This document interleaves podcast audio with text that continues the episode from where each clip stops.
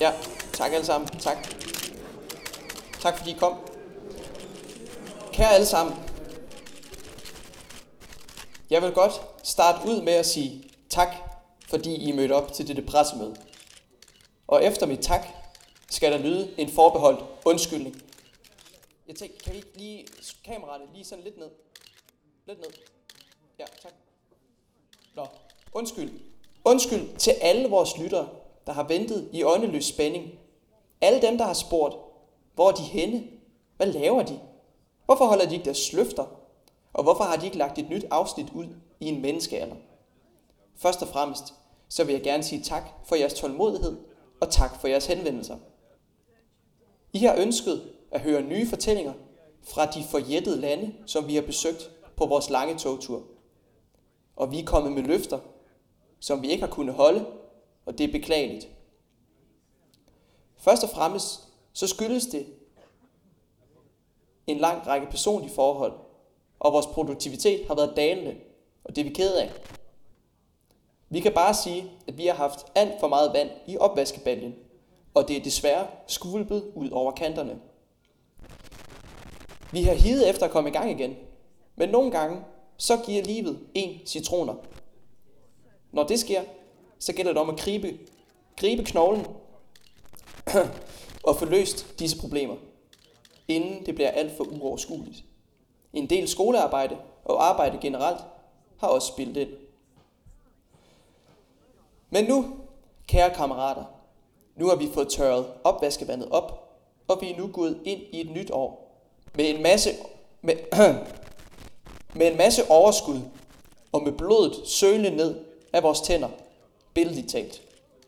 Vi ser ind i 2021, og vi håber på, at det bliver et langt bedre år end det forgangne.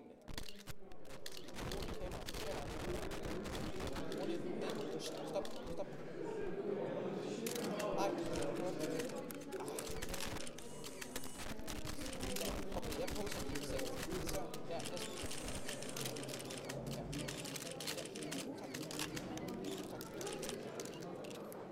Vi er par... Øh, ja. Vi er klar på at genoptage fortællingerne fra Rusland, hvor vi nu befinder os på Olkonøen. Vi glæder os til at tage jer i hånden igen og fortælle nye fortællinger. Og vi, altså, vi tager selvfølgelig ikke jer i hånden, for det, det må vi ikke have under corona og sådan noget, men lidt sprit, så, nå, så skal det nok gå. Selv, øh, selvom vi ikke har haft de forpligtelser, selv, selvom vi ikke har holdt de forpligtelser, vi gav jer i afsnit 3, så samler vi nu talstængerne op på ny, og vi er nu i gang med at folde et helt nyt produktivitetstelt ud. Tak fordi I lytter med, og fordi I har givet os den tid, vi skulle bruge. Vi skylder jer rigtig meget. Tak. Ja, det var så de afsluttende bemærkninger, og så vil jeg sende ordet over til Søren Brostrøm. Værsgo. Jeg vil bare for en helt øh, god ordens skyld og helt officielt på vegne af Sundhedsstyrelsen sige, at øh, sex er godt. Sex er sundt. Sundhedsstyrelsen går ind for sex. Vi er seksuelle væsener. Og selvfølgelig skal man også kunne dyrke sex. Goddag og velkommen til. Du lytter til podcasten Edmund og Let. Mit navn er Tobias Let Klinge, og overfor mig sidder min kammersjuk Axel Edmund Zacharias. Shalom! Vi er endelig tilbage, og øh, Ej, ja, hvor er det... Det er så dejligt at være tilbage. altså. det er det. Og øh, vi skal ikke snakke masse om det, fordi vi har jo lavet vores øh, pressemeddelelse. Og I har hørt den lige forgangne. Altså, den har lige spillet. Ja. Ja. har, det har jeg sørget for. Så øh, nu er vi i gang igen. Ja. Og Alle danske medier, de var stillet sammen i spejlsalen, og Brostrøm var der, og vi hyggede os, Ja. og vi var ude og spise noget, en croissant bagefter. Men uh, New Year, New Me, vi har uh, genopfundet os selv, tror vist godt, vi kan, vi kan kalde det. Uh, Vi har fået pustet noget, noget ny energi ind i det her foretagende i hvert fald, Ja. og vi er totalt motiveret og klar. Og vi kommer til at udkomme det her første afsnit, som vi helt selv udkommer med på vores øh, egen Spotify, egen iTunes, Apple Podcast og egen Google Podcast. Lige præcis. Og hvis I gerne vil finde os, så skal I ikke længere søge på vores gamle foretagende, nej. Så søger I på Edmund og tegn let.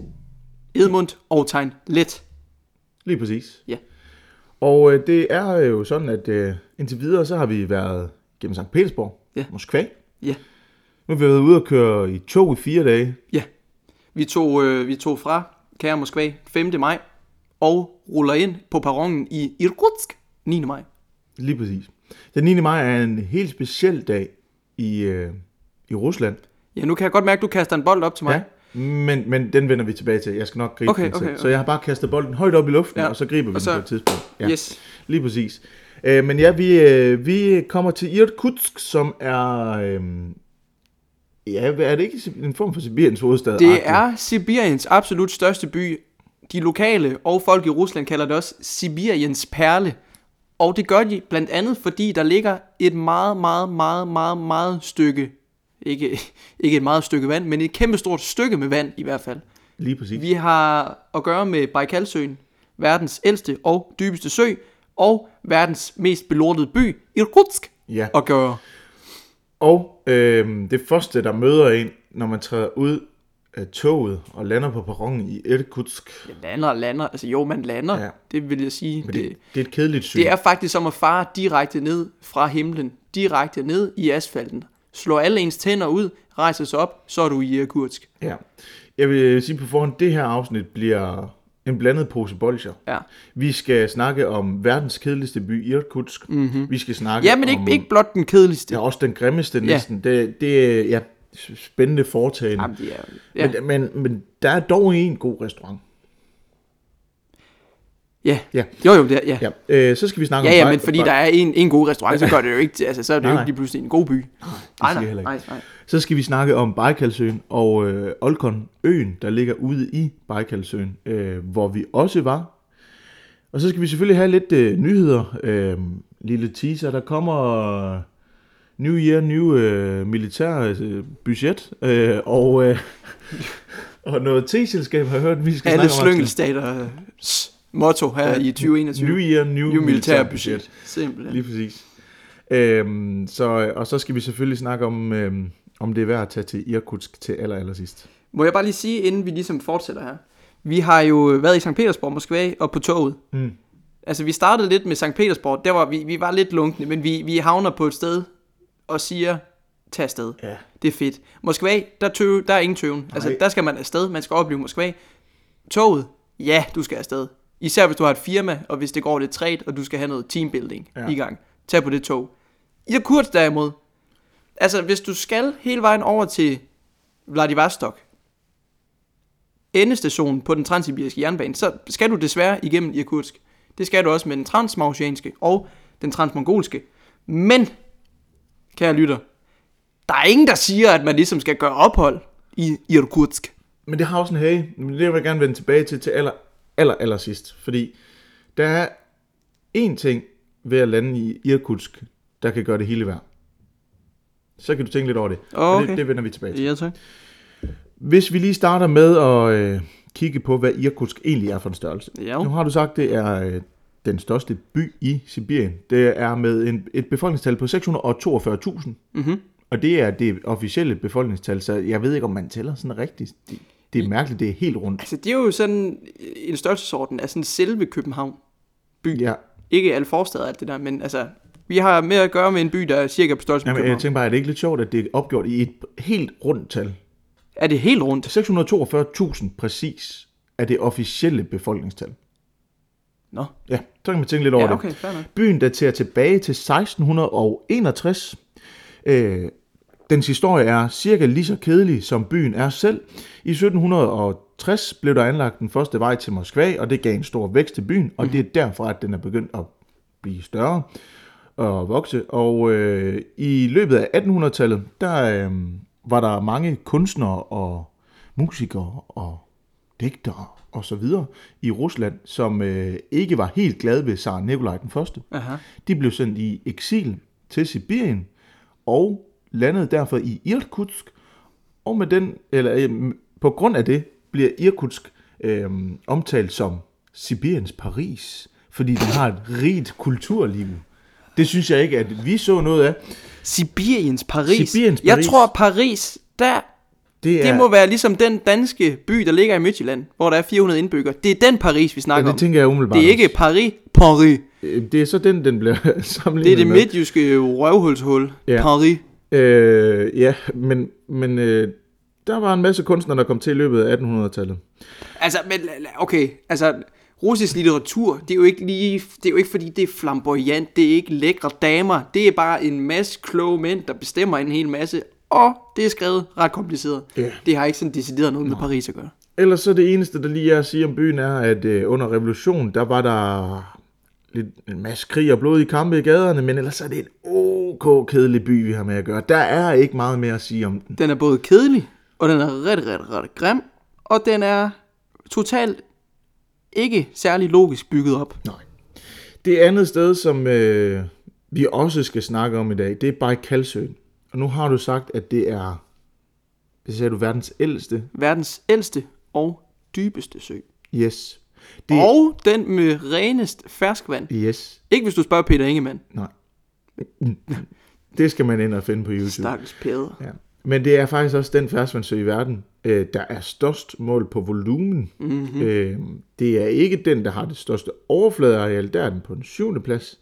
Men fordi den også er verdens dybeste sø med en, en maksimum dybde på 642 meter, så bliver den altså til øh, ja, den største sø mål på volumen med en kubikmeter på 23.615. Vil du høre en fun fact? Ja, Der er nogen, der siger, at altså, der ligger en masse sneklædte bjerge rundt om øh, Bajkalsøen. Lav lige en hurtig googler. Altså, det er sgu et flot sted. Det er det. Det er det. Men øh, hvis, hvis alt det der øh, sne smelter og ryger ned i Bajkalsøen, ja, for hvor fanden skulle det ellers rende hen? Men om 50 år, så er det svoret til, at rent volumenmæssigt, så kan det faktisk godt kategoriseres som et hav, sindssygt. hvis øh, klimaet øh, begynder, eller ikke begynder at være fucked, men hvis det er lige så fucked, som det er nu. Og det er det nok. Ja, Så øh, altså det er fandme vildt. Baikal, ha- havet, havet. Baikal? Havet? Jeg ved det ikke. Ja, okay. Lidt, lidt sådan, eller den, det sorte hav, det døde hav. Ja. Det startede også, Som sø. ja, og så er der nogle floder, der er og noget havvand, der løber dernede. Vi er ikke lige frem de geologiske eksperter. Nå. Nej, det kan vi ikke påstå. Øh, der er meget unikt dyreliv ved Baikalsøen. Mm-hmm. Øh, der er den øh, nok mest kendte unikke dyr er øh, Baikalsælen eller nærtpa. Baikalsælen. Nært. Lille sæl. Det er en af verdens tre eneste ferskvandssæler. De to andre kan I lige selv prøve at google på dem, har jeg ikke navnet på. Det kan I glemme. Fanden. Ja, sådan er det. Øh, derudover findes der 236 forskellige fuglearter og 65 forskellige fiskearter, hvor cirka halvdelen af fiskearterne kun findes i Baikalsøen. Er der kun 64 forskellige fisk? 65. 65. Ja, og det er ikke særlig mange, Nej. men, men det der så er specielt er, at lidt over halvdelen af dem kun findes i Baikalsøen. Så de er sådan gået i, ja, fordi, ja, sådan lidt en evolutionær proces. Ja, på en eller anden måde. Ja. Øhm, og så findes der 117 unikke skalddyr i søen. Ja. 117 unikke skalddyr. Ja, det vil sige, der er 117 forskellige slags skalddyr, du kun kan finde i Nu er jeg ikke sådan så skaldyrskyndig, men altså, jeg, jeg vil da have svært ved at skulle nævne 117 skalddyr i, i det hele taget. Krabs, Reje, reje, hummer, ja, krabbe. det er ud- udgaver af det. Øh, Yes, Jomfruhummer. Ja. Det, er jo, ja, det er jo så også hummerkategori. ja, det, det, sikkert. Ja, ja.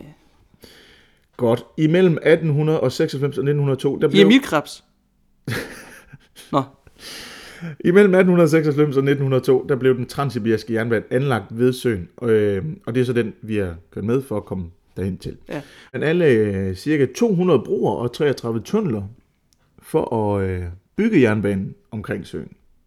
Det var, hold da op. ja, Tunneler. 33 tunneler. Gennem noget bjerg, lidt tænker jeg. Ja, okay. Ja. Fair. Der er meget store temperatursvingninger omkring Baikalsøen, og det er nok derfor, at der i maj måned, da vi var der, var pissekoldt. Og pattekoldt. Ja. Om vinteren ligger vi i gennemsnit på minus 19 grader. Ja. Om sommeren kan den svinge sig op på i gennemsnit 14 grader. Om vinteren vil man faktisk kunne gå tværs over søen, fordi at den er frosset til. Ja. Den er ikke dybfrossen, det vil være fuldstændig vanvittigt. Ej, det, ja. Men, øh, men det kan man godt. Det er dog med en risiko, fordi man kan nå at forfryse og dø på vej over. Uh-huh. Men det kan lade sig gøre. Altså, Det er en var, challenge. Det var i hvert fald ikke frossen, da vi var der. Nej. Det kan jeg da huske. Nej, Der kunne man- der kunne man der stå- Var, der var isflager på Ja. ja. den ene side dog. Man kunne sådan stå langs kanten og kigge ud på isflagerne, der sådan gned hen mod hinanden. Mm. Altså det gav en vanvittig lyd. Man kunne sådan høre det hele vejen, øh, sådan en knirkende lyd. Lige præcis. Ja. Ude midt på Bajkalsø, eller ikke ude midt på den, det er sådan lidt nede i bunden, den sydlige del, der ligger Olkon øen. Og det er jo også en ø, vi var, øh, vi var på, Ja, hedder det vel? på i tre dage. 3-4 dage, ja. eller andet. 3 ja. dage, ja. Øen er 730 kvadratkilometer stor. Øh, det er den største ø i Bajkalsøen. Det er den tredje største ø i en sø i verden. Det er den tredje største ø i en sø i verden. Ja. Tongue. Langt ude i skoven lå et lille... Det var sådan lidt den samme. Ja. Nå, Der bor 1744 mennesker på øen, hvor de fleste af dem bor i hovedbyen Kushir. og nu står der hovedby. Det, Det var en favela. Det var egentlig blikskuer ja, og pis. det minder, det minder mest om ja, favelaen. Det gør det. det. Det, det gør det. Det ligner sådan Roskilde-pladsen. Og den er der bare i 8 dage, men den har sikkert været der i 100 plus år, den by. Ja. Tag jer nu lidt sammen for at lave noget asfalt. Ja, og, Har I hørt om murstenen? ja men øh, det, der er også Ej, mange også- det og sådan noget, og det har jo det har lidt at gøre med, at øen øh, er bundet op på en gammel shaman-kultur. Og det er kendt for at være et åndeligt sted. Ja, altså vi, vi har jo at gøre med en masse... Youths. Ja. Youth. Youth. Øhm, det, var, øh, det er jo en form for nomad-telt, som især befinder sig i Mongoliet, men dem kommer I til at høre meget mere om på et Ja. tidspunkt. Det gør I. Øh, Olkonøen er, øh, er, er mest kendt for Shamanka-klippen, som vi også har set. Ja, Det er den der ja, store klippe. Hvis man søger Ja, ja, på øh, billeder af Olkonøen, så er det det første, der kommer frem. Uncle Club. Øh, men det er øh, et meget pænt sted. Øh, meget skov, klippe øh, og åndelig, åndelig ø, Godt. åbenbart. Nu tror jeg, at øh, nu, nu siger vi tak til Faktaboksen. Det var en lang faktaboks Ja. i dag. Øhm, og så starter vi vel egentlig bare fra enden af, ikke? Jo, vi starter i Irkutsk. Nu øh, leger vi lige aftenshowet her. Mm. Tobias, da du stiger af toget i Irkutsk, Ja. hvad går der gennem hovedet på dig? Øh, frihed. øh, nej, jeg tænker, det første, der går igennem hovedet på mig, det er, nu skal vi finde et, vores hotel, Ja. og så skal jeg have et bad. Ja, Jeg skal have et langt bad, kæmpe langt bad. for jeg stinker. Ja. Jeg stinker af fire dage gammel sved. Ja. Øhm, men nej, altså, det, kan, det ved jeg sgu ikke. Øh, det første, vi går jo ud, og så bliver vi taget imod af, af vores guide. Så vidt jeg husker, var guiden faktisk overraskende god til engelsk. Åh, oh, ja. Ja, det har du ret i. Det var en, en musse. Ja. En russisk musse, Ja. der ligesom øh, guidede os derhen. Ja. Øhm, det er jo den 9. maj, da vi kommer frem, og øh, Ja. den 9. maj er en, en mærkedag Det er jo i Rusland. en kæmpe celebratorisk dag. Øh, Ja. ja. De fejrer krigens afslutning og krigens sejr. Ja, altså de, Og med de, krigen menes der selvfølgelig 2. verdenskrig. Jeg tror for det første, de kunne godt tænke sig, at sådan en krig varede lidt længere, fordi Rusland de er syge efter noget krig. Det er de. Og så fejrer de også, at det var udelukkende dem, der besejrede tyskerne. Ja, Det var dem. Det var ingen andre. Det var russerne. lige præcis. Ja, Og hvis det ikke var for russerne, så havde tysken vundet, ifølge russerne. ifølge russerne. Ja. Men øhm, noget af det allerførste, vi, vi oplever, inden vi overhovedet kommer hen på vores hotel, det er, øh, at der er en gammel, gammel dame, der lige stikker os noget Irkuts specialitet i øh, hånden. Ja. Det er et stykke brød med flæsk og en pickle. Og en lille syltet af gurkorn på. Vi lægger et billede op af det. Ja. Hold kæft, det smagte ulækkert. Ja. Altså, det var ikke til at tykke i det der flæsk. Nej. Det var bare mega Men klamt. selvfølgelig, man tager, man tager imod det ikke. Det er jo en festdag. Ja. Og så festdag er flæskdag i Åbenbart. Rusland. Ja. Ja. Så det, det, det tog vi imod, og så gik vi forbi en hæk, og så røg det ellers ja. af hækken felt Ja. til. Lige præcis. Men, men prøv at forestille jer et stykke stækflæsk. Bare I ikke har stegt det stegte flæsk, Jeg og tror, så skal det I spise kogt. det råt. Det kan godt være, det er kogt. Kogt. Ja, et eller andet. Det var bare rigtig ulækkert. Ja. Når vi kommer hen på vores hotel, og jeg tror, der sker en fejl. Vi bliver i hvert fald øh, logeret ind i præsidentsuiten Ja, ja, lad på os- øverste etage. Lad os i hvert fald sige, at Tobias og jeg, vi har vundet lotteriet. Ja, vi får... Øh, Vi får præsident Sweden. og, altså, så lækkert var det heller ikke. Det var, det var bare en, en stor lejlighed. Ja. Det var meget fint. Jeg tror øh, lige nu her i podcast-afsnittet, så lægger jeg lige en lille lydbid ind, hvor vi kan høre Tobias og min egen begejstring, da Ja. ja. vi ser præsidentsvin. Vi har lavet en, en fin room tour, så det kan I lige få lidt af her.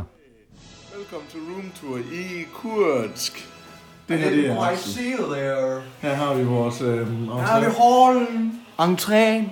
It is where we greet our guests. Der er mulighed for at hænge sin jakke. Der er så også gratis håndklæder. Fint lampe. Lille sofa til lige at lægge sig på. Godt slidt. Her har vi vores køkken. Meget fint, meget lækker sofa. Vi har den store pakke. Kæmpe fladskærm. Sony Bravia. Nu der musik. Det her er en toilet. Her har vi vores øh, badeværelse. Selvfølgelig med badekar. Vi har vores egen øh, vaskemaskine. Har vi vaskemaskine i hænghjørnet? Men det går helt amok med parade dernede, godt nok. Det er spændende. Ja, det var det. Øh, der er ikke så meget... Oh, ja, der er lige et nedbrændt hus der. Og en klam hund. Yes. F- fedt sted.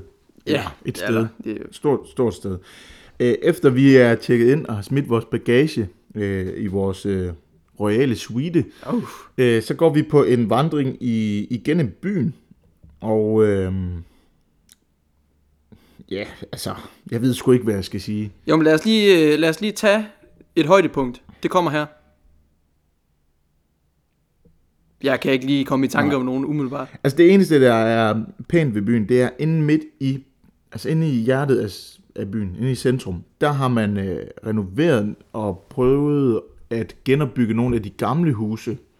Øh, og det er faktisk meget pænt. Ja, Der ligger også et øh, stort, flot indkøbscenter, og lige ude foran det indkøbscenter, der ligger der et nedbrændt hus. Yes. Øhm, jamen, altså, og så ligger der, jamen, der ligger ruste parabolantenner og murbrokker, og der løber sådan gamle, udsultede, forpinte hunde rundt. Gadekryds på gadekryds på gadekryds. Og det, altså, og det, det, altså, det er meget pænt lige, lige derinde, de der, den der lille bitte, bitte klump. Men hold op, hvor er der bare grimt. Og jamen, nu, jeg sidder lige og kigger på lidt billeder, imens vi snakker her. Det, altså, det er helt vildt så grimt der. Jamen det ligner bare, du kan ikke sådan distancere, hvorfor en ende af byen du er på, fordi alt ligner bare hinanden, og alt er så faldefærdigt, grimt og gråt. Altså det er, det er utroligt sted at være. Altså, det, det, det virker lidt som om, at man bor i sit hus, indtil det falder sammen. Ja. Og så bygger man bare et nyt. Ja, gerne med noget blik og noget beton. Jamen, det er, altså, det er vildt. Jeg, jeg ved ikke, om du kan huske den her episode. Det, det var en, jeg lige kom i tanke om. Vi, øh, vi går jo også otte makker, som vi har nævnt. Ikke? Altså, vi, vi, vi rejser sammen med otte prøv lige andre. se det her. Eller, nej, seks andre. Vi er otte i alt. Men prøv lige se det her. Ja, ja. Hold... Ej, men altså... Det er utroligt. Nej, men så, så på et tidspunkt, så går vi ned langs øh, en eller anden hovedgade i, øh, i Irkutsk. Og lige pludselig, så går vi forbi en indhegning, hvor der er nogle utroligt biske hunde. Og vi, vi, vi sætter sgu tempoet op, fordi uh, hvis, man lige, hvis der er sådan en hund, der lige kommer i flæsket på en, altså, så er der rabies ud over det hele. Og det går hverken værre eller bedre end det, at Ulrikke, vi er ude at rejse med, hun rent faktisk får sig et lille hundebid. Fordi en af de der hunde løber ud på vejen og følger efter os. Vi sætter i spurt, men Ulrikke når ikke at observere det, så hun bliver faktisk lige hapset på anklen. Det, det ved jeg ikke, om du kan huske. Nej, det kan jeg sgu ikke. Nej. Og der var vi sådan lidt, der var ikke, den havde ikke penetreret ind i hendes kød, men man kunne godt se, hvor tænderne i hvert fald sad. Og det var sgu sådan ret ubehageligt.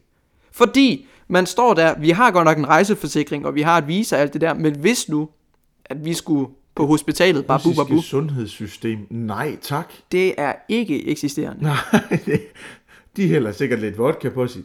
Super. Ja, ja. Og så får du en top vodka, og så er det ellers hjem. Ja. Med nogle panodiler, måske lidt penicillin. Eller, de, de kalder det sikkert et eller andet andet. Men i hvert fald, vi er i Irkutsk i alt for lang tid. Vi er der Det er i rundt regnet 24 timer. Ja, lige præcis. Ja, og det er jo alt for lang ja. tid. Øh, om aftenen den første dag, der er jo så en kæmpe parade, og folk går igennem byen med skilte og billeder af, af deres øh, Lenin, Stalin, Hammer, Sejl, Ja. ja. de faldende krigere under 2. verdenskrig. og deres så videre, og så familiemedlemmer, som er døde eller har været en del af krigen. Øhm, og så er der et stort fyrværkerishow om aftenen, og det var det meget fint. Ja. Jeg har ingen idé om, hvad vi får at spise den dag. Nej, det kan jeg sgu ikke huske. Jeg er ikke engang sikker på, om det kan godt være, at det der flæsk mættede ret godt. Jeg ved det Det, ikke. det helt. gjorde det ikke. Nej. Det var bare klamt, for vi spiste det jo ikke. Men i hvert fald, vi var ude på en byvandring, og det var sgu... Ja, det var en byvandring. Mere var der som sådan ikke i det. Og så øh, dagen efter, så skal vi jo ud på den her øh, Olkon-ø. Og der er altså et godt stykke vej. Vi bliver samlet op i det, der minder om en Ford Transit, bare med minibus-vibe over det. Jeg vil sige, det er sådan lidt en fejnsmækker form for minibus, fordi jeg tror egentlig bare, det er en gammel varevogn, der er by- bygget om med nogle sæder. Ja, det kunne det godt ligne. Det var ikke autoriseret, øh, hvad det hedder, et autoriseret fartøj i hvert fald. Men en lang tur ud på Olkonøen, og det er altså 80% på grusvej. Ja, Vi får desværre en chauffør, der er utrolig glad for panfløjte og saxofon instrumentale stykker musik. Og det var skrækkeligt. Der bliver bobbet godt op på volumen og på subwooferen, og så sidder man ellers bare der og dingler afsted, ja. det indtil man var- havner på Olkonøen.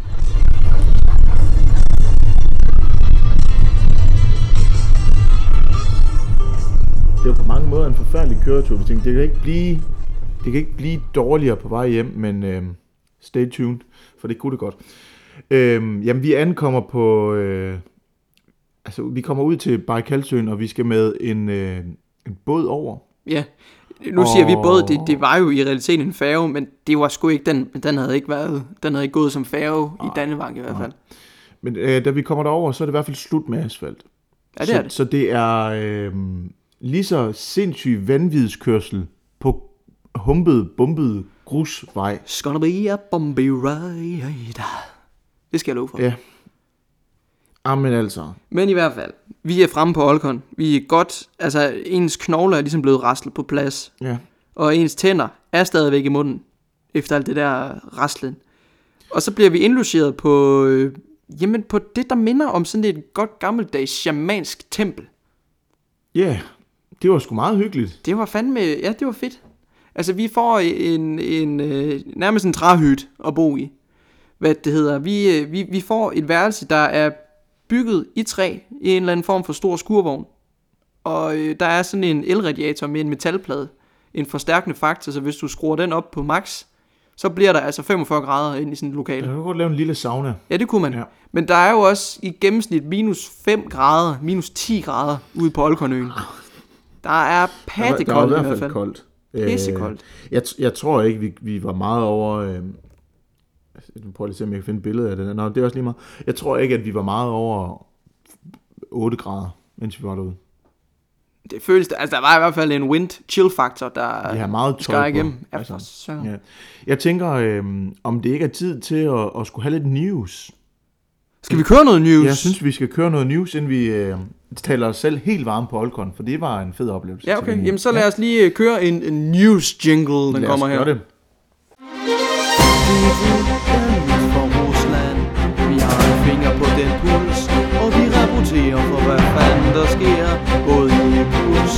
Kursk, på Olkon og generelt bare Rusland.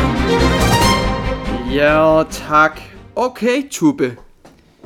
Vi lægger ud med lidt vaccinenyt for Rusland. Dejligt.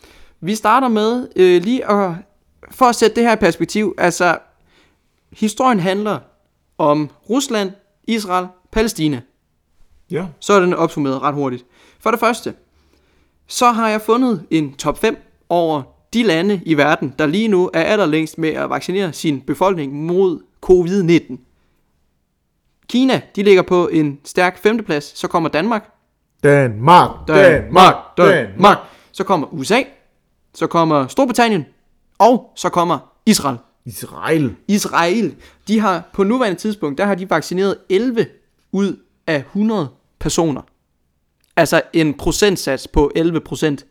Ikke at der kun bor, øh, hvad det hedder, 100 i Israel, men altså, de har vaccineret 11 procent af deres befolkning. Og USA, de havde faktisk sat sig til mål for, at de ville vaccinere op imod 20 millioner mennesker inden 31. december. Mm. Det er kun blevet til 2 millioner.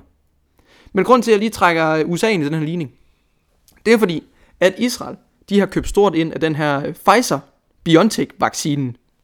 Ja. Ja. Israel og Palæstina. For lige hurtigt at tage den. Det er jo en kompliceret og meget, meget, meget, meget, meget gammel konflikt. Israel, de er anerkendt i det internationale samfund som et selvstyre, et land. Derimod er Palæstina ikke. Men Israel kontrollerer faktisk store dele af Palæstina. Men Palæstina har også områder, de selv styrer. Det er meget forvirrende dernede. Altså, ja. De har det, som FN kalder for observatør, observatørstatus. Det vil sige, at de partout er et land, de er bare ikke medlem af FN og FN-konventionerne. Det vil sige, at de ikke sidder i generalforsamling, og de har ikke stemmeret, når det kommer til FN-ting. Det har Israel derimod, og det er derfor Israel, de kan pådutte Palæstina så pisse meget, som de kan. Godt så. Så er vi det på det rene. Israel, Pfizer-vaccinen, men Palæstina har ikke fået den samme handelsaftale som Israel, fordi det jo er en observatør observatørstat. Mm. Derfor har Palæstina og det selvstyrede område været ude også at skulle have en vaccine. Derfor har de valgt den russiske model, Sådan, Sputniken. Sputnik V-vaccinen. Palæstina er som sagt ikke betragtet som et land, og derfor er det omdiskuteret, hvem der ligesom skulle have den her vaccine i det hele taget. Det var så Israel, der vandt den, det togtrækkeri. Og derfor er Palæstina blevet efterladt ud i kulden. De russiske sundhedsmyndigheder, de hedder RDIF, de siger, at de er i gang med at skrue op for produktiviteten af den her Sputnik Mm. vaccine. Så Palæstina og andre lande, der har har vi noget på, øh, altså forhold til Sputnik, om, om den rent fakt, har vi noget på, om den rent faktisk virker? Det, det kommer jeg lidt til. Okay. Det har jeg ikke decideret kilder på, men jeg har det, man kalder en reporter i marken, jeg har hævet fat i. Ja. Det kommer vi til. Nej, russisk sundhedsmyndigheder, de har ligesom sagt, at der i hvert fald er nok til Palæstina, og de har også sagt, at der er nok til dem, der gider have den. De har buffet op på produktiviteten af Sputnik-vaccinen, og de har nu udliciteret den her opgave blandt andet til Indien, Kina, Sydkorea og andre lande. De har fået licens, de har fået, øh, hvad hedder det? øhm, Opskriften? Yes, på at producere den her vaccine. Det land i verden, der på nuværende tidspunkt har indkøbt flest af de her Sputnik-vacciner, det er Argentina. Okay.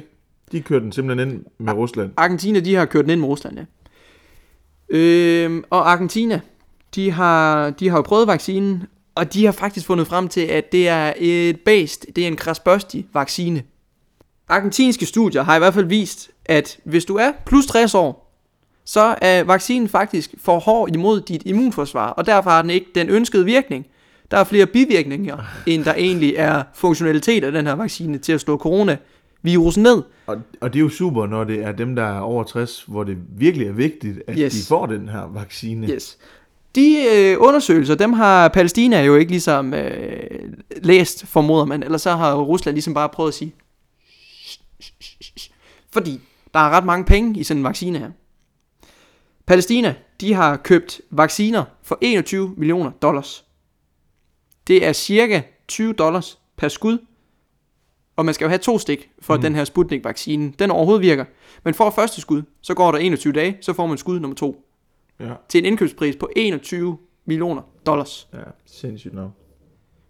Øhm, Så hvad kan man egentlig få for 21 millioner dollars? par sko. Det er i hvert fald ikke meget. Par sko. Altså, Altså, har Palæstina jo egentlig lavet lidt en lortaftale. Man kunne jo have sagt, at Israel skulle behandle Palæstina ligeligt, men men nej.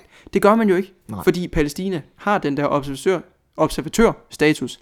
Og Jamen- derfor kan FN altså ikke ligesom skride ind og sige, prøv at høre Israel, det er sådan her, det bliver. Nej, men altså, så må jeg også sige, at øh, de findes jo ikke. Hvis man spørger israelitterne, altså de findes Det er jo det. Jeg, jeg skulle da heller aldrig... Altså, Det jeg tror ikke engang, du, du kan ikke engang finde det på et landkort, jo. Nej, det kan man jo ikke. Nej. Altså, Findes det overhovedet? Nej. Hvad, hvem ved? det findes ikke. Men altså det, det er sgu utroligt, at, øh, at, øh, altså, at de, de har købt stort ind på Pfizer, og de har købt ind for, jeg ved ikke hvor mange, mere end 21 millioner dollars. Det kan jeg godt fortælle dig.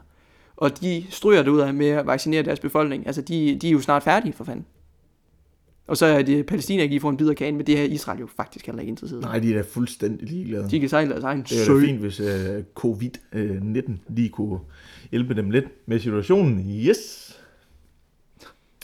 Det var øh, en syg udtalelse, det der. Yes! Ja. Nå, det var afrunding på vaccine nyt for Rusland. Tænk sig, at Rusland stadigvæk kan være involveret i Israel-Palæstina-konflikten. Det synes jeg er fantastisk, og den buller derude. Men er det noget, vi snakker om i det internationale samfund? internationalt samfund. Nej, det er. Jamen, det er også et spørgsmål om, at nu har det kørt så lang tid, nu er det ved at være kedeligt. ja, Israel-Palæstina-konflikt. Ja, det er lige snart, det over, overstiger fem dage, så, så, uh, så kan vi ikke overskue det længere. Vi kan i hvert fald sige med syvtommersøn, at der bliver plukket lidt frem og tilbage dernede, og det har der gjort i mange, mange, mange herrens år. Og den ligger og ulmer hele tiden. Noget, der også ligger og ulmer, det er vores opfølgning på vores... Altså, vi, vi er jo deciderede eksperter efterhånden i denne konflikt.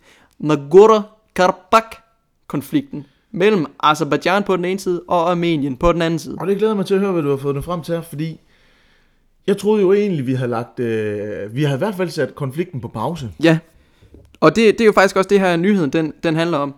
Jeg har valgt at kalde historien Putin inviterer på te. Ja.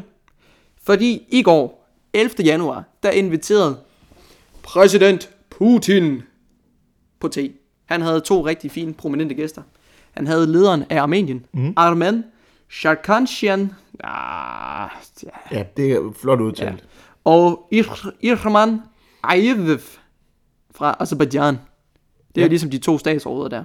Han inviterede dem i et forsøg på at få en ende på den her konflikt i Nagorno-Karabakh-regionen. De drak ud, de drak te, de snakkede, de hyggede sig. Og det var jo i et desperat forsøg på ligesom at sige, lad os nu bibevare den der øh, våbenhvile, vi har lavet. Ja. Timingen, synes jeg, og nu, det, nu, det, nu har jeg ekspertbrillerne på, den synes jeg altså er lidt pussy. Nu er det en, øh, en, en kommentar. Nu er det ja, en kommentar fra øh, Nagorno-Karabakh-ekspert Axel Zacharias.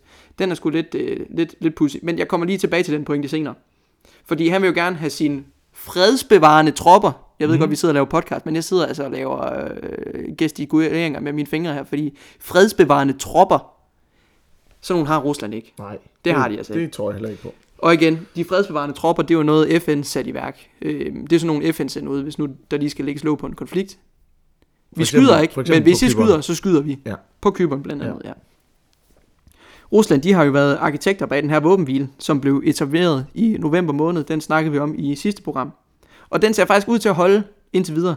Men der er stadigvæk øh, spændinger i området, og det er derfor Putin han har inviteret på te. Øh, og man kan faktisk sige igen, ekspertligt set, ekspertbrillen har jeg på nu, at våbenhvile, den var til Azerbaijans fordel. Fordi våbenhvilen, den træder i kraft lige det, at Azerbaijan, de faktisk har, har vundet mere territorie. Det er ligesom dem, der har, øh, har flest mænd på området, Nagorno-Karabakh, som ligger i Azerbaijan, men som Armenien nu ser som for at være sit eget område. Ja, jamen altså, så kan man sige, øh, jamen, du kører lige din kommentar videre, så kommer jeg med en modkommentar, som øh, Ja. den anden modpol i form af ekspertviden Ja. og briller og sager. Ja. Okay, den her, øh, den her T-aftale, den har sat øh, store protester i gang i Yerevan, som er Armeniens hovedstad. ja. Og ham her Armen, deres, øh, øh, deres præsident, og også deres pre- premierminister, der hedder Nikol Pashinyan, Ja.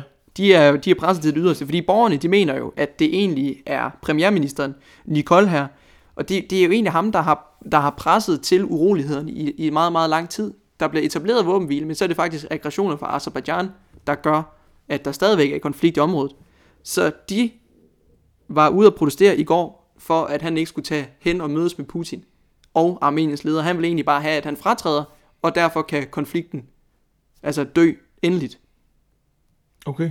Det, det er ligesom der pro- protesterne foregår. Okay. Men jeg synes, at udtrækningen af de her fredsbevarende tropper, den kommer på et pudsigt tidspunkt.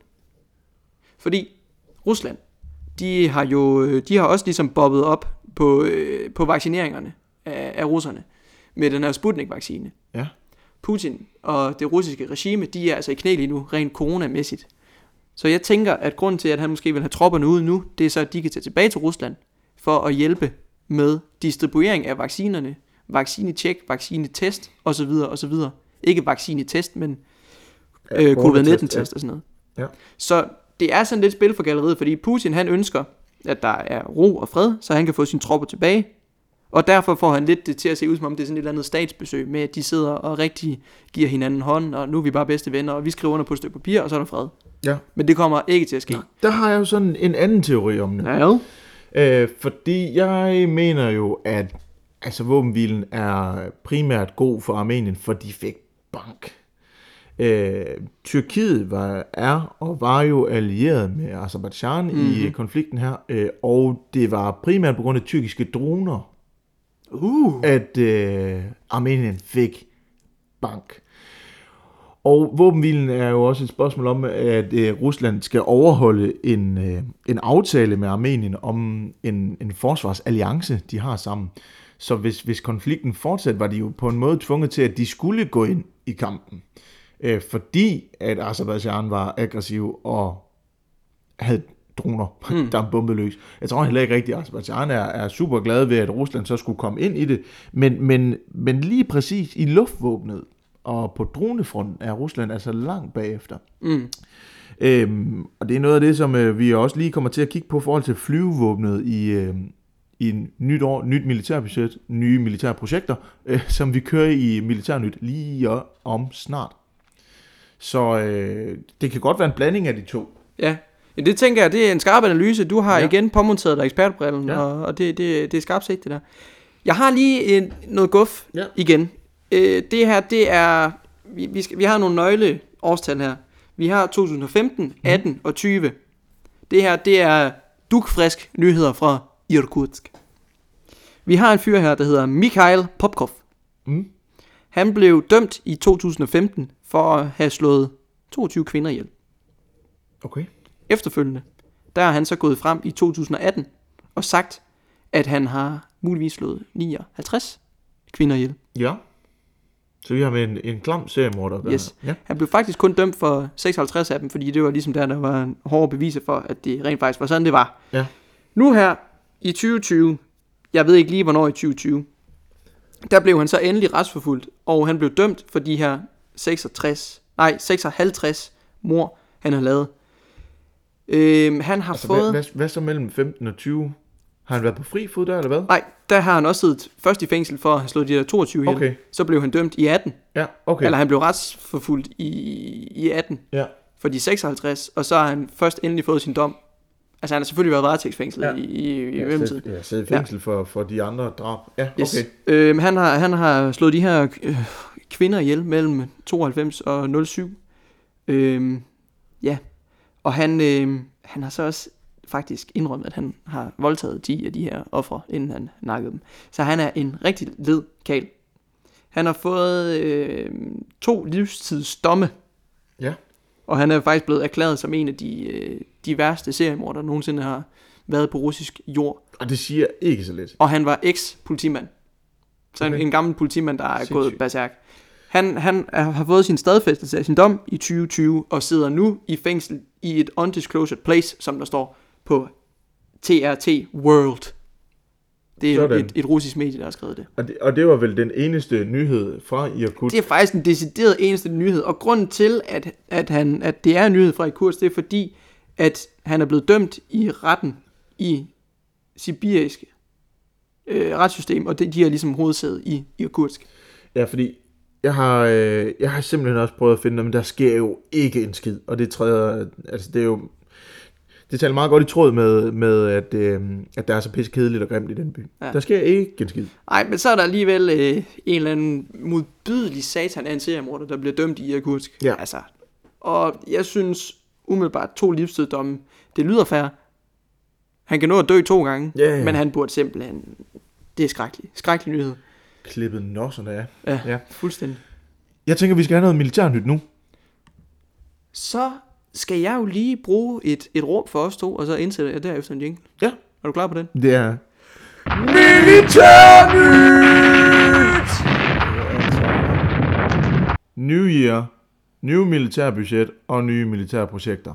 Kom så med noget med noget med nogle missiler!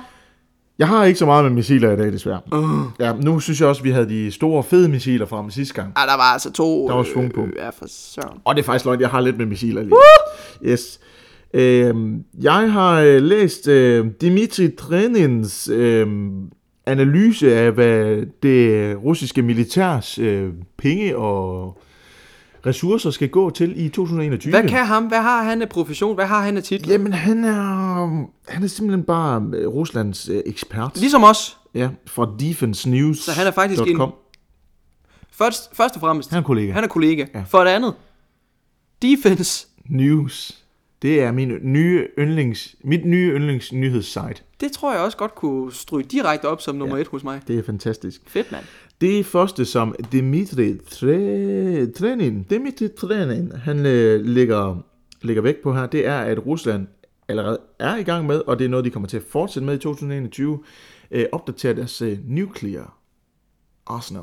Jamen selvfølgelig, Ja. selvfølgelig. Det skal da lige have en overhaling hvert Ja, år. men det er øh, ja. og det, det kommer de til at gøre frem til 2024, men det er simpelthen et spørgsmål om, at øh, der skal moderniseres, fordi mange af deres atomvåben øh, er simpelthen fra sovjettid. Ja. Så de får lige en overhælling. øhm, og det er jo meget cool. Altså, Ja, ja, men altså nogen, de, øh, så de har... de bruger januar måned på at vaske gulv og vaske vinduer og sådan noget, men Ja. ja, ja Rusland, de... Altså det er ligesom den her... Øhm, det her Sirkov-missil, vi snakkede om sidste gang, som sådan en hypersonisk missil. mit nye yndlingsmissil. Ja, øh, det, er, øh, det er også sådan en overhældning, de fleste får, så de bliver hypersoniske. Øh, og så er man også i gang med at lave nogle af dem, sådan at de kan være med på, øh, hvad det hedder, en ubåd og sådan nogle ting. Så der, øh, der blev moderniseret, det er fedt. Nu snakkede vi lige lidt om, at, øh, at Tyrkiet var gode på droner, og det er noget af det, der har, har hjulpet Azerbaijan i, øh, i konflikten der. Og Rusland har jo altid været rigtig, rigtig stærke med deres landtropper. Så en af de ting, øh, hvor Rusland virkelig sætter ind og er begyndt at bruge rigtig mange penge på, det er på deres, øh, hvad det hedder, deres flåde og deres flyvåben. Ja. På flådefronten er man for første gang siden sovjettid begyndt at bygge ny flåde.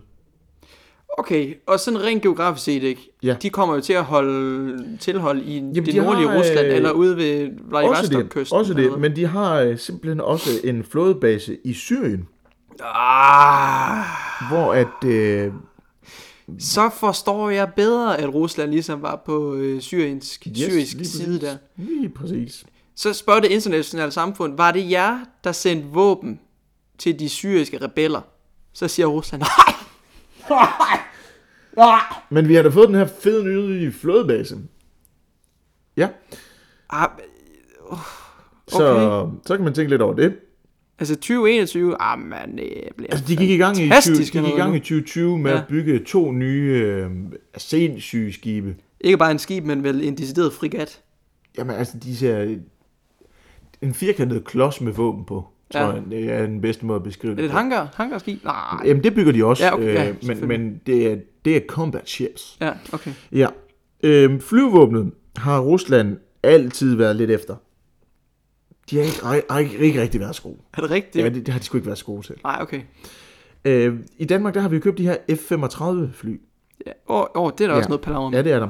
Og F-35 er øhm, en af de første fly, der bliver klassificeret som det, der hedder femte generation. Og det er et spørgsmål om, hvor hurtigt de er, og ja, hvor fede de er Ja. i det hele taget.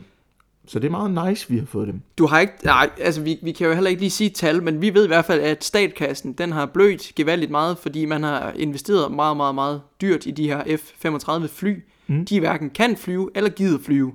Ja. Så altså, vi, vi har mistet, jeg ved, det er 10 milliarder cirka på bare at have dem stå. Nø, Men vi har ikke fået dem hangar. endnu. Nej, præcis, fordi de ikke gider flyve, Ja, og de men, ikke kan øh, flyve. Ja, Rusland, de er ved at... De skal ikke bede om det pis.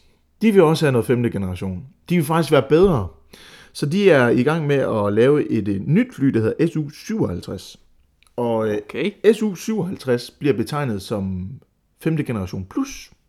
Fordi det lige er lidt hurtigere og lidt bedre end alle de andre fly. Det er Øh, ligesom, når man får en iPhone. Ja, Altså, lige smækker, smækker et X bagpå. Eller en Samsung Galaxy Plus. Ultra, tror jeg, vi er oppe og kalde det Ultra og Max og sådan noget. Ja, Pro. Max, Ultra, Mega. Ja. Jeg har jo bare en fastnet, så jeg ved jo ikke. Men i hvert fald de her øh, SU-57 fly, de er, øh, de er i fuld gang med at blive testet. Og øh, det, er ikke, altså, det er jo ikke nyt nyt, fordi man har jo man har arbejdet på dem i lidt tid, og projektet gik i gang i 17. Man havde rigtig gode tests af dem her i 2020. Og øh, man forventer at have den første prototype med den her nye 5. generation plus motor klar i løbet af 2020. Øh, så, 2021. Så, ja, sorry, 2021. Jeg skal også lige... Det er Ja, tal og sådan nogle ting. Ja. Det er fordi, det er det samme. Altså, det er jo 2020 part 2. Ja, det er sequel. Ja. Nå, men, men i hvert fald, øh, De her Su-57 fly har indtil videre fløjet med nogle lidt ældre datomotorer for at se, om, om fungerer flyet og aerodynamikken osv. osv. Og det gør det. Så nu er man ved at lave de ind- indledende manøvrer for at smide den nye 5. generation plus øh, motor i. Så Rusland vil øh, være de hurtigste bedste i, øh, i luften nu. Hurtigst, bedstest, bedstest, bedstest, ja for helvede. Ja. Og farligst. Og farligst. Ja. Okay, fordi F-35 ikke også, de er produceret af et amerikansk ja. firma, ikke sandt? Jo, det er det nemlig lige Jeg præcis. kan ikke huske lige nu. Det kan være, det er Lockheed Martin. Et eller andet. Det kan også være, der, der er også nogle andre bæster, der hedder et eller andet. Et eller andet. Men det var dog utroligt, at Rusland bare lige kan producere et generations 5 plus. Altså, det er jo dem selv, der siger det, Ja, ja. Men, men, men testresultaterne viser, at de har ret. Ja, men hvor lang tid er det ikke, vi har stået og ventet på dem der? Og det ved jeg ikke. Lang Det er tid. meget, meget lang tid. Og det er også noget med, at de måske faktisk larmer for meget i forhold til EU-regulativer. Ja, Altså, der, der er simpelthen for meget øh, tryk på drengen, når de flyver gennem øh, dansk luftrum. Så det er faktisk lige før, at de måske også skal nedjusteres. Og at de måske bliver erklæret brugbare, i hvert fald på dansk jord. Så skal man have dem på en eller anden lille ø, bygge noget base der, så de kan flyve op og ud derfra. Så det er noget rigtig pis. ja. Øh, jeg kan fortælle dig, hvem der er um, chefingeniøren, chefdesigneren bag motoren. På F+.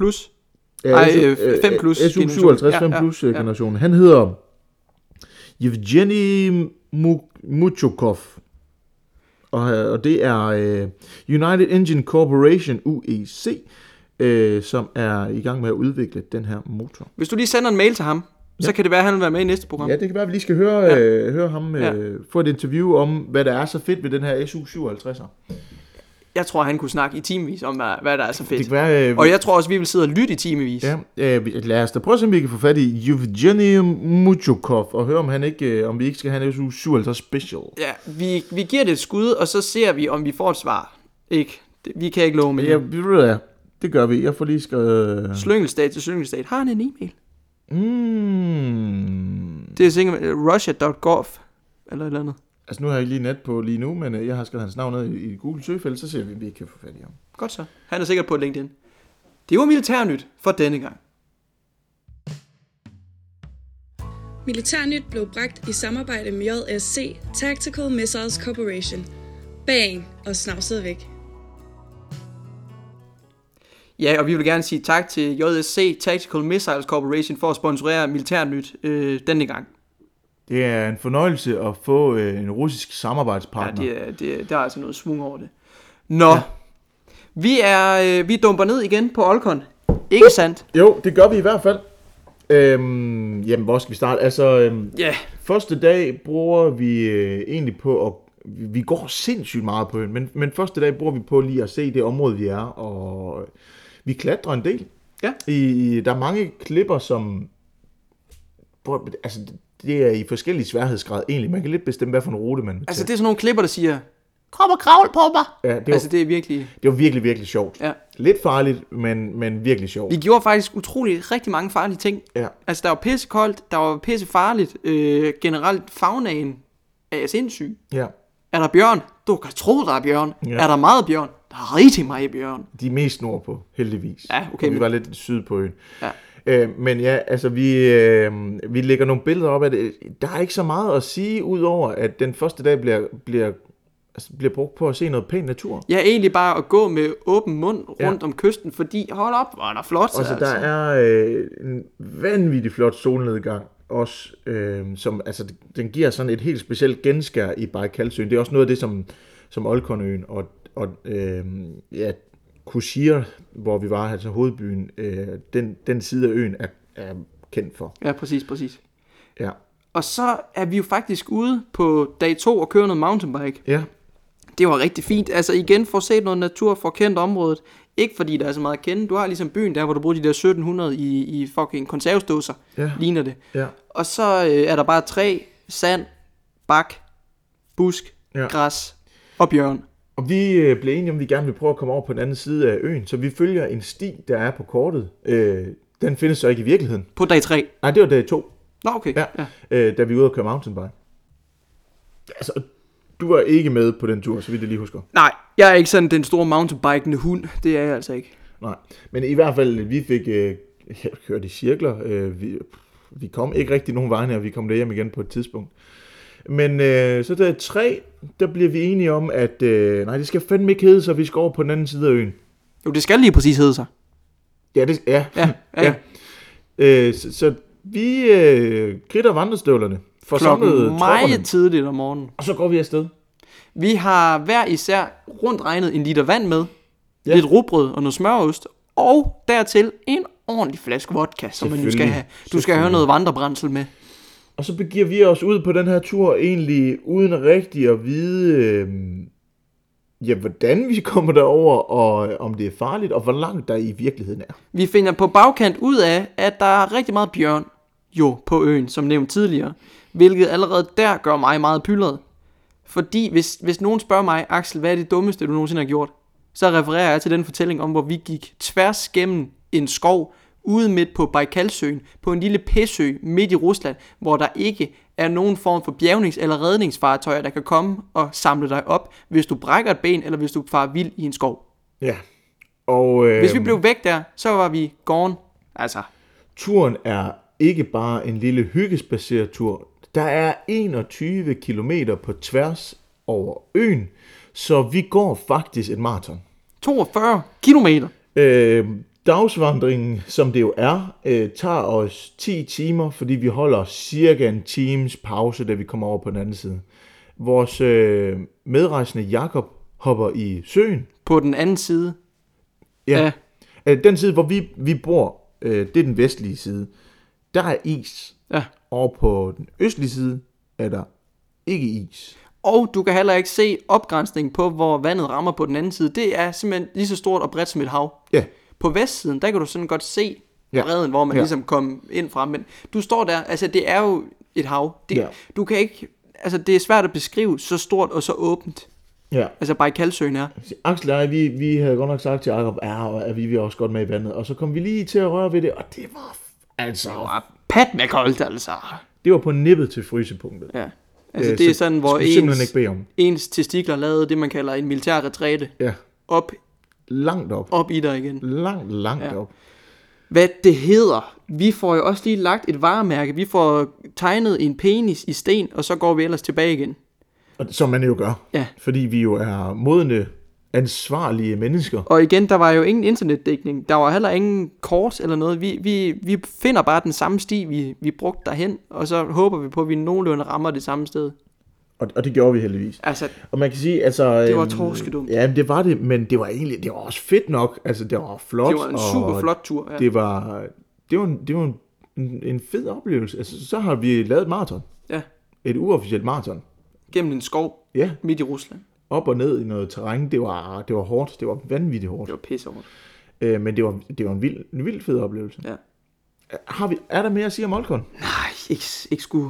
Udover det er flot at tage derhen, hvis I har mulighed for det. Ja. Det, det er virkelig, virkelig sådan...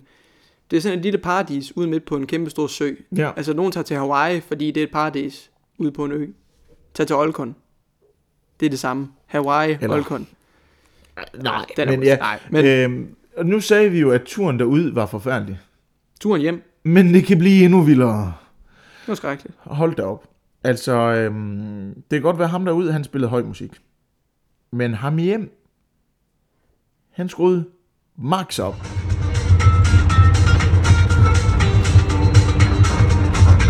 Og så bad vi ham om, lige skrue lidt ned, makker. Og så kiggede han på os og sagde, Nå. Og så skruede han mere op. Det, ja, men, han, Han var, kørte endnu hurtigere.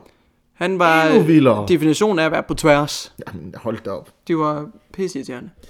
Og så bummelum, bum, bum, hen ad nogle grusveje, og så er vi... Var der sikkerhedsseler? Nej, nej, Nej, det tror jeg da ikke, der var. nej. Altså, vi flyver jo op og ned i sæderne. det den, var altså, der ikke, du. Hold... Wow, det var en vild Men tur. efter 6-7 timers kørsel ikke, fra Olkon, så er vi så tilbage i Irkutsk, og vi får pakket vores tasker, og så er det ellers bare raus videre på vores rejse. Ikke helt. Nej, men... Vi har, vi har en hel dag mere. Vi har en hel dag. Har vi det? Ja, det har vi.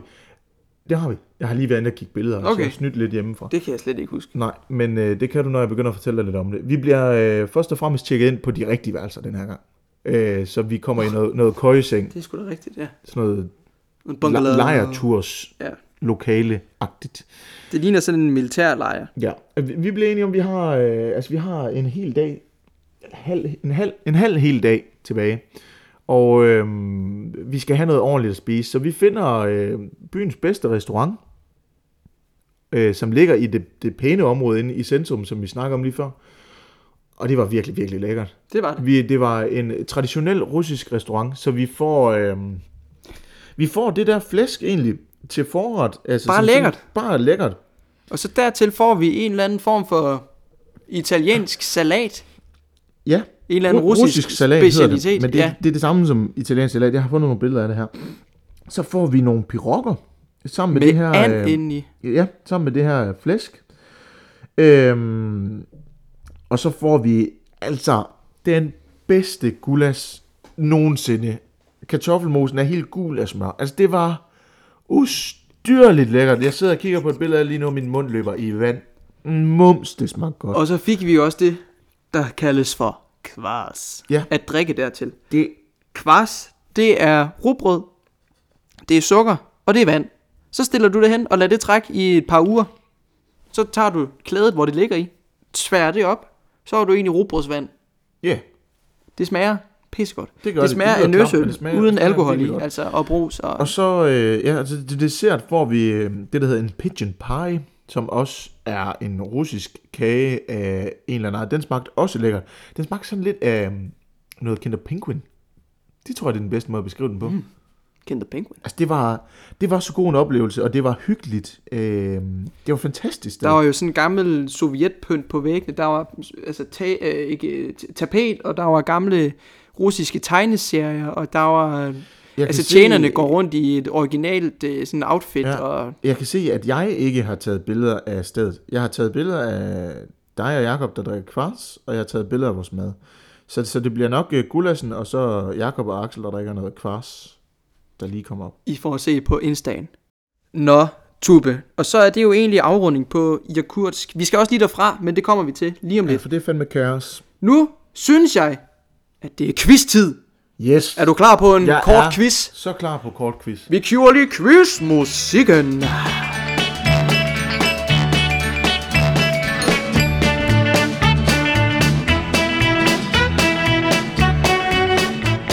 Quiz om Irkutsk, Olkon og Baikal Yes. kommer her. Yes. Det er en kort quiz på sølle 9 spørgsmål. Er du klar? Jeg er super klar. Spørgsmål 1. Den amerikanske præsident Eisenhower mm. skulle i 1960 have været på statsbesøg i Irkutsk, men kom aldrig afsted. Nej, det kan jeg fandme godt forstå. Han valgte at udskyde besøget. Hvorfor gjorde han det? Fordi der var grimt og kedeligt. Fordi der var grimt og kedeligt. Er det til mig? Det er mit endelige svar. Det er jo fordi, at der var et amerikansk spionfly, der lige var blevet kapret i, i russisk luftrum. Så der var, der var spændinger på det tidspunkt, så han valgte at sige, nej, jeg, jeg tager ikke lige lige nej. til, til Rusland. Jeg synes også, at, øh, at mit gæt var, var godt. Ja, fordi der er pisseklamt. Det er der også. Ja. To. Irkutsk, det ligger langt væk. Derfor der har in- infrastrukturen ikke været særlig højt prioriteret Nej. i Rusland. Nej. Hvornår fik uh, Irkutsk sin første asfalterede vej? Ja, det er jo ikke... Øh, uh, hvornår kom den af til Moskva? Jeg skal lige... Må jeg snyde lidt? Øh, Ja, ja. Øh, Nej, det gider jeg ikke. Øhm, jeg siger den 1976. det er et godt bud. 1946.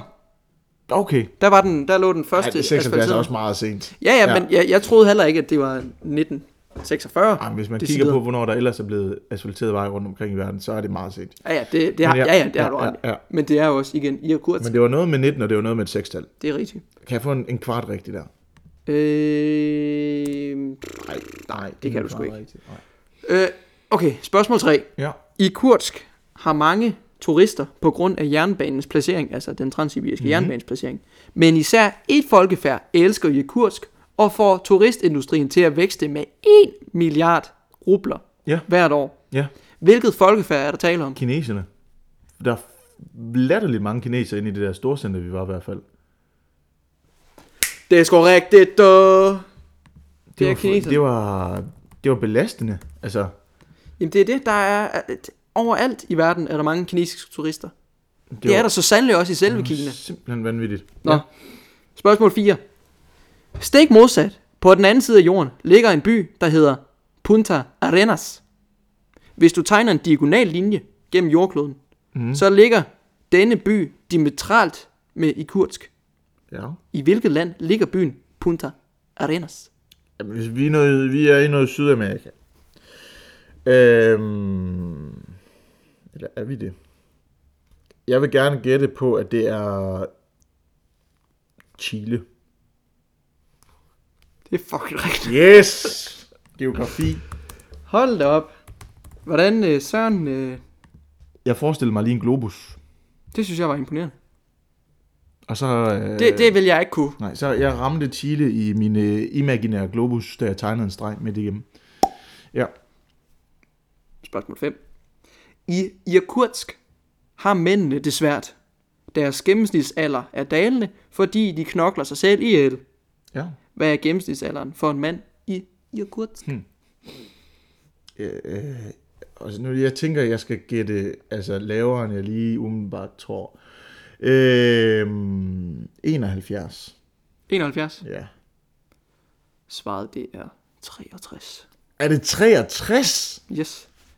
Det er ustyrligt lavt. Jeg tænkte sådan, ej, jeg vil gerne gætte 68, men det er måske også lige lavt nok, så jeg tager den lige lidt op. Men hold da op, hold da op. Nu er jeg lige inde for at lige sætte det her i relief. Øh, mænd i Danmark bliver i gennemsnit 78 år gammel, og kvinder bliver 82. Ja, Så Hold da op. 63, det må man sige, det er, det er dårlig stats. hold da op. Nå, nu kommer vi lige til et enkelt spørgsmål om Baikal. Ja, Spørgsmål 6. Ah, der er faktisk nogle flere også. Udover Olkon, som er en af øerne i Baikalsøen, ja. er der altså en del flere. Hvor mange flere? 17. 23. Nå, Simpelthen. ja. Og Simpelthen. Olkon er den største. Hvor mange jordskælv sker der i dybet af Baikal hvert år? 6. Over 2000. Altså, der er, der er uro hele tiden. Den er jo også dybt, og det ligger sikkert på Det ligger lige med- det, der kalder en tectonical plate. Ja, det må det jo gøre. Altså to, to plader, der ligger og gnider sig op. Ligesom bare. Ja, okay. Okay, spørgsmål 8. Hvor meget af verdens ferskvandsbeholdning indeholder Baikalsøen? Det var et godt spørgsmål, det der, Axel. Øhm, I procent? Altså, jeg har skrevet det i brøk, ja, men altså, jeg kan også godt omregne det til procent. 8 procent. 8 procent. 20 procent. Er det... En femtedel af verdens ferskvandsbeholdning er i Baikalsøen. Hold da op. Den er jo kæmpe. Ja, ja. Kæmpemæssig sø. Hold da op. Kæmpe sø. Nå, og spørgsmål 9. Hvor mange rubler kostede det at blive tortureret over til Olkonøen med saxofon og panfløjtemusik? Uh, rubler. Øh, hvad er nu en rubel? Den En er, rubel svarer til 10 øre. Så 10 rubler svarer til 1 krone. Ja, okay. Øh, 250 rubler. 500 rubler, du. Nå, jeg tænkte, det var pisse billigt. Ja. Ja. Men ja, det er også billigt. Det er- 50'er, det er jo for Det er billigt. en lang tur. Ja, det er en røvlang tur. Så det var altså to ud af ni rigtige. Ej, det er flot. Ja, Især den med Chile. ja. ja det, var, det var fandeme imponerende. Og det var så afslutning på quiz. Selv tak. Fedt. Fedt, mand. Vi har godt nok været dårlige til quiz. Altså, Ja, ja, vi, vi, vi Generelt. altså også op for sværhedsgraden en gang med. ja, det må man sige. Nå. Nå, sagde vi så i kor. Vi skal have, vi skal have afsluttet det her afsnit. Der er blevet lidt langt, men så er det, det er også lang tid siden, vi har været her sidst. lad os, lad os lige brække det ned for jer. Fordi Irkutsk, seværdig eller ikke? Absolut ikke seværdig. Føler du dig tryg? Overhovedet ikke skid. ikke. Er der pænt? Next. Overhovedet ikke skid. Den eneste grund til, at man skulle tage til i Kursk, det var for at komme til, øh, til Bajkalsøen og ja. Olkon. Og måske få en portion gulas. Ja, lige den ene restaurant, ja. som jeg simpelthen Som vi ikke kan huske, hvad hedder. Det er også for dårligt. Ja, det skal vi da finde ud af. Ja. Øhm, Nej, Ja. altså betragt det som et sted, du kører igennem. Ja, det er et stop. Det er et stop. Det er et stop. Det kan ikke anbefales at hoppe ud. Nej. Nej. Og så i hvert fald skal du have en eller anden form for skinnebensbeskytter med, så du ikke bliver bidt af hunden med rabies. Ja. Måske sådan nogle Inden- snake boots. Inden vi lige lukker helt ned, så skal Ja, vi jo... nej, nej, nej, nej, nej, nej. Olkon. Ja, Seværdig eller ikke? ja, Seværdig. så- ja. Føler du tryg? Ja. ja. Altså, der er bjørn. Der er mange bjørn. Der er meget altså, bjørn. Jo, det gjorde jeg, fordi det er jo, en- altså, det er jo en turistø. Ja. Altså, de lever af turisme. Ja, Men jo. igen, hvis du brækker dit ben, Ja, så er du da fucked. Så er du Men det er du fucked. i hele Rusland, tænker jeg. Ja, jo, jo. Øh, så, det har du ret i. ja. Altså, Olkon, det, var- det var Ej, det fandme... var virkelig, virkelig det, fedt. det var sgu flot. Altså, det var det. Øh, og nu har vi ikke snakket så voldsomt meget om det, fordi det, altså, det er svært at snakke om. Vi har jo bare gået rundt og, og oplevet naturen, men der er, der er flot. Du, der er jo ikke lige sådan nogle museer eller nogle restauranter, man ligesom decideret kan komme ind og besøge. Det er sgu bare at være der og være i naturen. Ja. Og det er fedt. Og det, vi fik faktisk udmærket mad på det der øh, vandre Ja. hostel. Jeg vandrehostet, der hed øh, Nikita Benkrovs Homestead.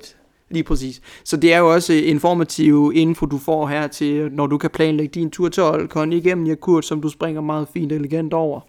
Super Så godt. Øh, så øh, for lige at sætte en streg under det. Tag til Olkon og Bajkalsøen, det er fedt. det er fedt. Irkutsk, det skal være lige for et mellemstop og tage på den ene restaurant. Og så Øh, ravs videre. ja. Og apropos raus videre. Vi skal jo fra Irkutsk, for vi skal til Mongoliet. Det er dig, der tager den her del af historien, ja. fordi jeg, kan, jeg har stadigvæk svært ved at forstå, hvordan vi kunne fuck så meget op. Ja. Så den tager du lige. Vi har fået at vide, at vi skal være opmærksom på, at alle tider på vores togbilletter er i det, der hedder Moscow Time.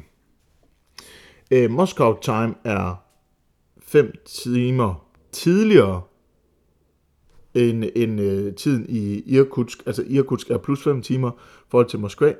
Øh, så det vil sige, at når der står klokken 8 på vores togbillet, så er det klokken 1 i Irkutsk. Så det går vi jo stærkt ud fra, at når der står 8 på togbilletten, så er det klokken 1. Vi øh, tager ned til øh, togstationen i det, vi selv tror, der er god tid. Vi er der klokken 12, fordi der var ikke en skid at lave i byen alligevel, så vi kunne lige så godt bare sove længe, og så tage på togstationen og sidde og kigge ud i luften der. For der var også grimt, ligesom i resten af byen. Det må man sige. Ja. Da vi, øh, da vi kommer ned, øh, og vi får stukket togbilletterne i hånden, jeg ved ikke, hvem det er, der har været primus motor på, at det var klokken 13. Det er også ligegyldigt. Det er ikke os i hvert fald. Jeg kigger på min togbillet, og ser, at der står 0800 local time, og tænker, hmm, Vi fik jo også en forklaring på, hvorfor det lige pludselig ikke var Moscow time. ja, Det er jo fordi, det er tog, der kører ud af Rusland. det kører til Mongoliet. Yes. Øhm, det vil sige, at vi er kommet fire timer for sent til vores tog. Ja, faktisk fem. Nej, vi er der klokken 12. Okay, Det kører klokken 8. fair nok. Så vi er fucked. Vi, altså, er, øh, vi er fanget i Irkutsk. vi er godt og grundigt fucked. Altså, der sker jo det, at Simon, han griber knoglen, ringer til Jysk Rejsebureau. Skud ud, by the way. Ja, det er kæmpe i orden. Jysk Rejsebureau ringer til Vores et... lokale rejseselskab. i Rusland, Mm. som så ringer til et rejseselskab i England, som så sender os videre til et foretagende i Italien. Altså, vi bliver kastet rundt i hele verden. Italien finder ud af et eller andet, får fikset noget, ringer tilbage til England, siger sådan og sådan. England ringer til Rusland. Rusland ringer til Jysk Rejsebureau. Jysk Rejsebureau ringer til os. Ja. Øh, vi øh, kommer til at øh, skulle vente til klokken, hvad bliver den, 9-10 stykker om Vi aftenen. sidder på den fucking station i Skal se, om jeg har nogle 8-9 billeder også. timer og ikke. piller røv. Jeg har, jo, jeg har lidt, lidt billeder, hvor vi, hvor man kan se, vi, vi forvirret står og prøver febrilsk at snakke med en russisk musse i øh, billetkontoret, og hun fatter ikke Og som vi nævnte skid i vores afsnit om Rusland, altså de der billetmusser, de er, de kunne give, de giver lige præcis akkurat zero fucks. Jeg har et billede, hvor vi sidder ude foran stationen, vi, vi lige får lagt op. Altså, Desperationen, den, man kan godt se, at vi er presset her. den gælder ud over højtaleren. Øhm, vi, øh, vi, vi kommer på tog klokken 9 om aftenen, tror jeg, det bliver. Og det blev så et nattog. Ja. Ikke engang til Mongoliet, Nej, vi- men til en grænseby, der hedder Ulan Ude, Ja. som jeg har valgt at kalde for jordklodens røvhul. ja. Øh, vi er i Ulan Ude klokken sådan noget 6-7 om morgenen. Vi finder... 5 om morgenen. Ja. Ja, sikkert. Vi finder et eller andet snusket sted, der har åbent. Øh, vi bliver modtaget af en guide først og fremmest. Øh, meget flink mand egentlig. Igen, som Jysk Rejsbo har ringet til. Ja. Alt det der. Det er noget, de Øhm, har fået etableret. Og så, øh, så siger vi til ham, vi skal simpelthen have noget mad. Så vi finder et eller andet øh, snusket sted, der har åbent, og får en eller anden klam birok, som er, også er lidt lækker, men også lidt klam. Drøber af olie. Øh, og så bliver vi placeret på en bus, I Ulan ude. der skal fragte os til Mongoliet. Og øh, så, så, så, så synes jeg, vi cutter den her. Så starter vi ombord på bussen næste gang. Det synes jeg skulle lyder fedt. Godt. Men, men altså, at det var kaos. Vi sidder der, klokken er 12, vi er fire timer for sent, vi er fanget i den grimmeste by, jeg har set. i Vi bilder os ligesom ind, at øh, der ikke rigtig faktisk er sket de store kaskader på den her tur, men det her, det var helt klart et højdepunkt af kaskader. Ja, det var ubehageligt på alle tænkelige måder. Det var, øh, altså, man er jo hjælpeløs, for der er ikke nogen, der fatter, hvad man siger. Øh, jeg tror, vi fandt, vi fandt en eller anden restaurant, der havde nogle sygt lækre hot wings lige over for Ja, og stationen. noget øl. Ja. Så kan man lige så godt drikke sig fuld. Det var en forfærdelig oplevelse. Altså, og det, det sætter en, et, et rigtig fedt punktum ved, hvor lort Irkutsk var. Og på den note, skal vi så ikke øh, stille og roligt sætte øh, vores intro i gang. Den kan lige spille lidt spæt Intro, herhen. outro, jo. Og så vil vi bare sige tusind tak, fordi I har lyttet med, hvis I overhovedet har nået så langt. Øhm, vi skruer op for frekvensen, og vi er glade for, at vi er tilbage i fuld flor, og vi lyttes ved røv snart. Det gør vi. Du har lyttet til Edmund Let med Akkel Edmund Zacharias og mig, Tobias Let Klinge. Tak for den her.